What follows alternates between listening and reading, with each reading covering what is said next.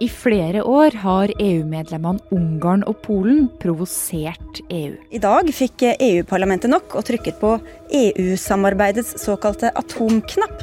Et flertall i parlamentet Are, are they really going to lose their voting rights? The almost certainly not. Uh, it would be extraordinary if they did, not least of all because this is only the start of a process. De har vedtatt lover som går stikk i strid mot EU sine prinsipper. The rights of the LGBT community have come under threat in Poland after the country established LGBT free zones. Ursula von der Leyen has slammed the Polish government for its actions, which were deemed deeply homophobic by several neighboring countries and beyond. Og igjen og igjen har unionen forsøkt å gjøre noe med det. I to år har eh, EU kommet med klare advarsler til Polen. Og rett før jul EU-kommisjonen truger med å ta fra Polen røysteretten i EU dersom landet går videre med den kontroversielle reformen av rettsvesenet. Men nå er det nok. EU har satt hele sitt milliardbudsjett og en sårt trengt koronakrisepakke på spill. Und das ist auch notwendig. Und es ist sehr schwer stell- vorstellbar, dass irgendjemand in Europa irgendetwas dagegen haben könnte. Blir det ingen endring i Polen og Ungarn, så blir det heller ingen penger. På noen. Polen og Ungarn er nå eh, virkelig blitt den store verkebyllen og en skamplett på alt eh, EU ønsker å fremstå som, faktisk. Og problemet er så stort at sentrale EU-land i fullt alvor eh, snakker om å opprette et nytt EU uten Polen og Ungarn. Du hører på Forklart fra Aftenposten, og er Marit Eriksdatter Gjelland. I dag er det tirsdag 8. desember.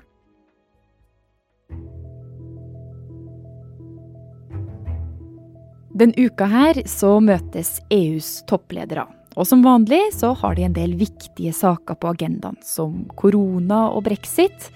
Men noe av det som er aller viktigst nå, er penger. People's jobs depend on this. Uh, our economic recovery depends on this. EUs budsjett for de neste sju årene, og ikke minst ei økonomisk krisepakke, skulle ha vært vedtatt for en måned siden. Men sånn har det altså ikke gått. For Polen og Ungarn har lagt ned veto.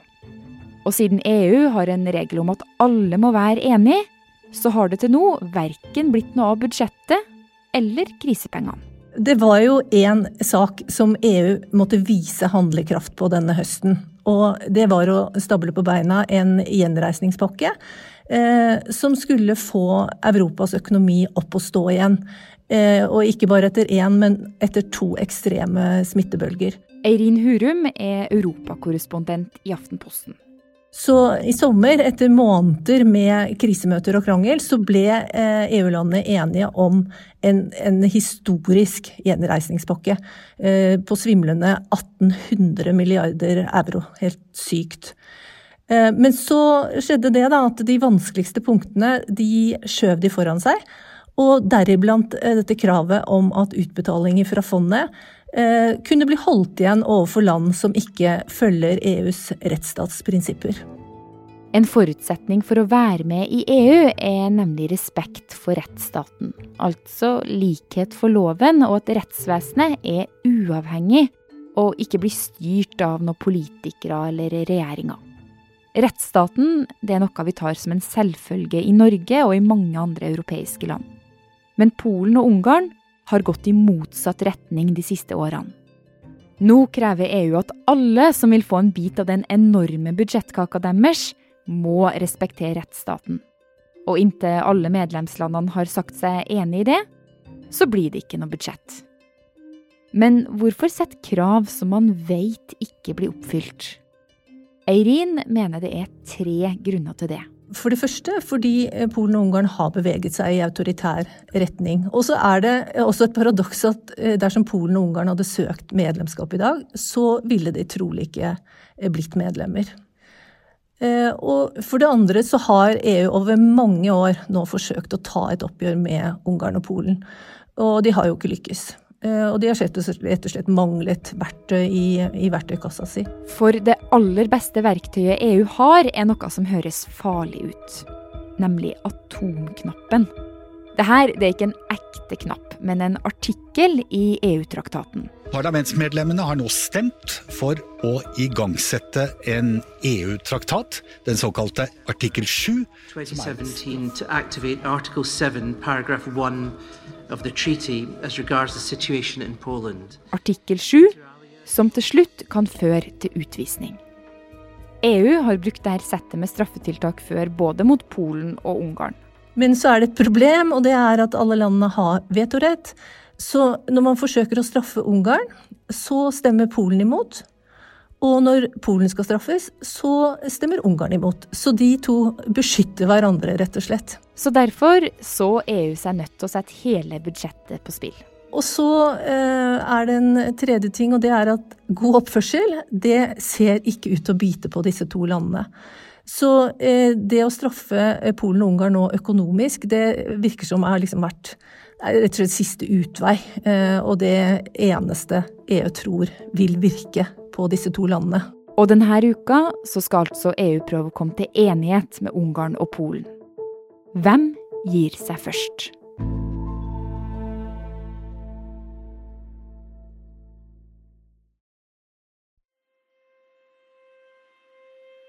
For Polen og Ungarn så er det mye som står på spill nå. For når man legger sammen hvor mye EUs medlemsland betaler inn til unionen, og hvor mye de får tilbake, så er Polen og Ungarn blant de landene som kommer aller best ut. Så milliardene i EU-budsjettet og koronakrisepakka er noe som er veldig viktig for dem. Men likevel så har de altså satt ned foten over et prinsipp som er en selvfølge i de fleste demokratier. I både Polen og Ungarn så sitter det nå eh, regjeringer, eller regimer kan man nesten kalle dem, som eh, er nasjonalkonservative eller høyrepopulistiske, eller det fins mange navn på dette. En ny autoritær tankegang er kanskje det mest eh, beskrivende, og det betyr bl.a. at de ser på demokratiet som noe som fungerer på den måten at når man først har blitt valgt, for de har jo absolutt blitt demokratisk valgt, så har man lov til å bruke makta si på en veldig omfattende måte.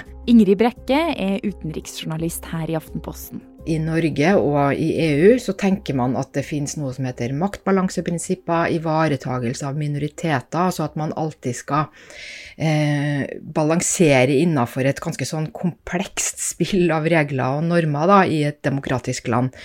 Men i både Polen og Ungarn så tenker man mer at man har fått fullmakt til å gjøre om staten i det bildet man i og for seg har lovt velgerne. Da.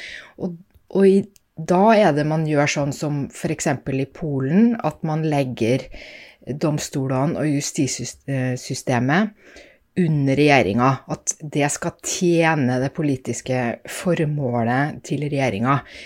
Og, det er en tankegang som ikke er forenlig med det eh, EU og, og Norge og, og, vestlige demokratiske land har, kaller da disse rettsstatsprinsippene. Men du, når det er milliarder som står på spill, hvorfor svelger de ikke bare denne eh, kamelen da, og godtar at de må ha en rettsstat med frie domstoler og fri presse?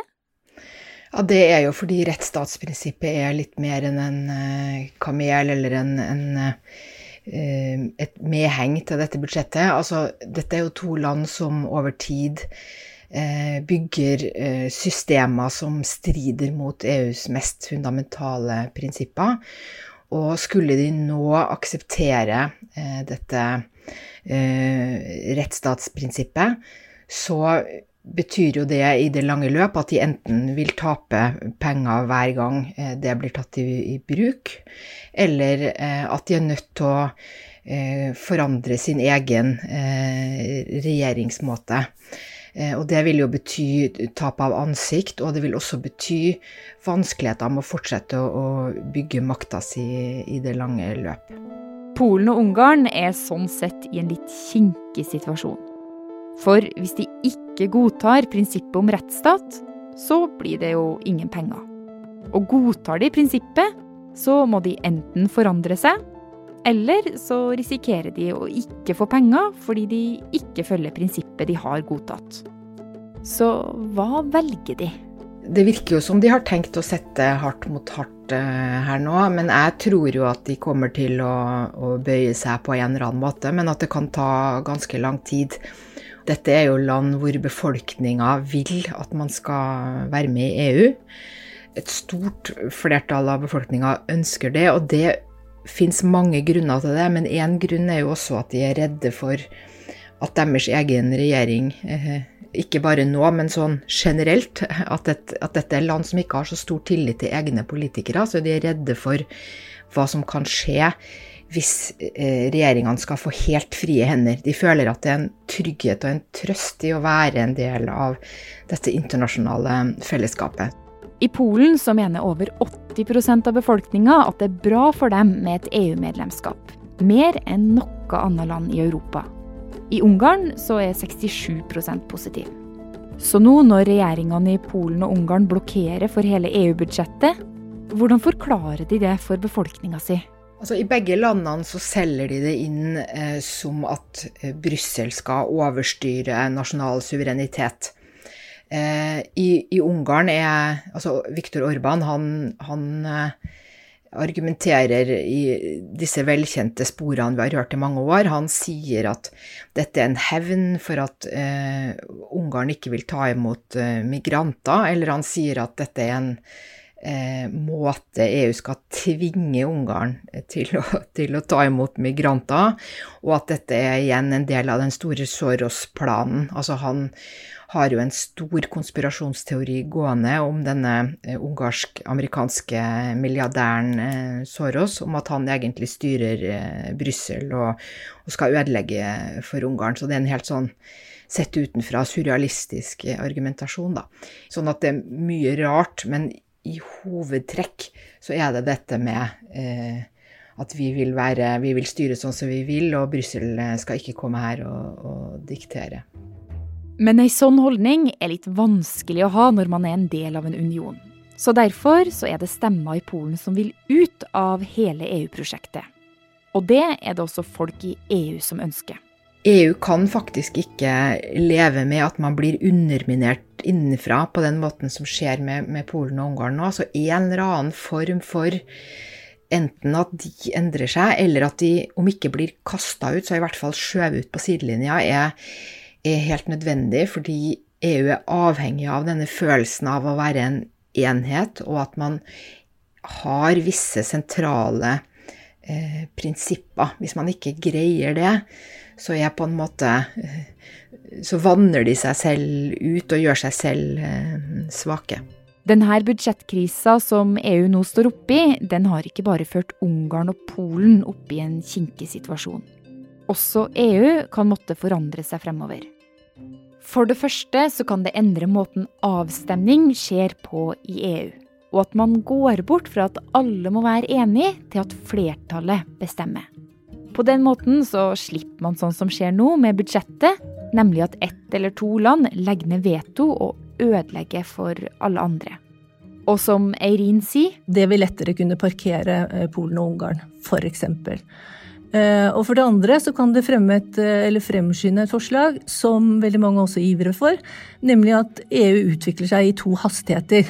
Og at de landene som da ønsker et tett samarbeid, danner en egen indre EU-sirkel, og at resten, som Polen og Ungarn, havner i en ytre sirkel. Dette er jo ikke noe nytt, altså dette har pågått i mange mange år. Men det er jo, man, man trenger kanskje en sånn brekkstang for for å, få til noe, og dette er, eh, er, kanskje det. Fordi dette har virkelig eh, synliggjort eh, hvor handlingslammet EU kan, kan være på det verste. Og du, på torsdag så skal det her budsjettet da diskuteres i EU-toppmøtet. Tror du Polen og Ungarn gir seg, sånn at uh, man endelig kommer til en løsning? Jeg tror eh, Polen og Ungarn gir seg, fordi det står for mye på spill. Eh, og det er igjen snakk om penger. Eh, og, og, gjør de ikke det, så har EU-landene nå en joker i ermet. Og det er at de rett og slett kan opprette et, et nytt krisefond. Eh, helt identisk med det som er foreslått, men uten at Polen og Ungarn får være med. Eh, men til forskjell fra det nåværende fondet, så vil dette bli administrert gjennom EU-kommisjonen og ikke nasjonalstatene. Og det vil jo frata de eh, kontroll, men, eh, men det er lov. Og rettsstatsprinsippet er uaktuelt å fravike? Ja, det tror jeg er helt uaktuelt å, å fravike. Altså, da er det andre land som vil legge ned veto. Altså hvis de dropper eh, rettsstatsprinsippet. Da vil helt sikkert eh, iallfall Nederland legge ned veto.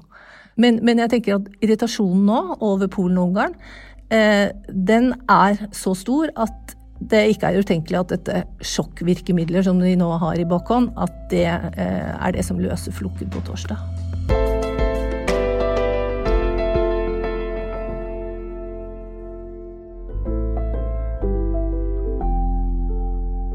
Denne episoden var laga av produsent David Vekoni og meg, Marit Eriksdatter Gjelland. Resten av Forklart er Fride Næss Nonstad, Karoline Fossland og Anne Lindholm. Du har hørt lyd fra Europaparlamentet, Vion, Euronews, NRK og nyhetsbyrået AP.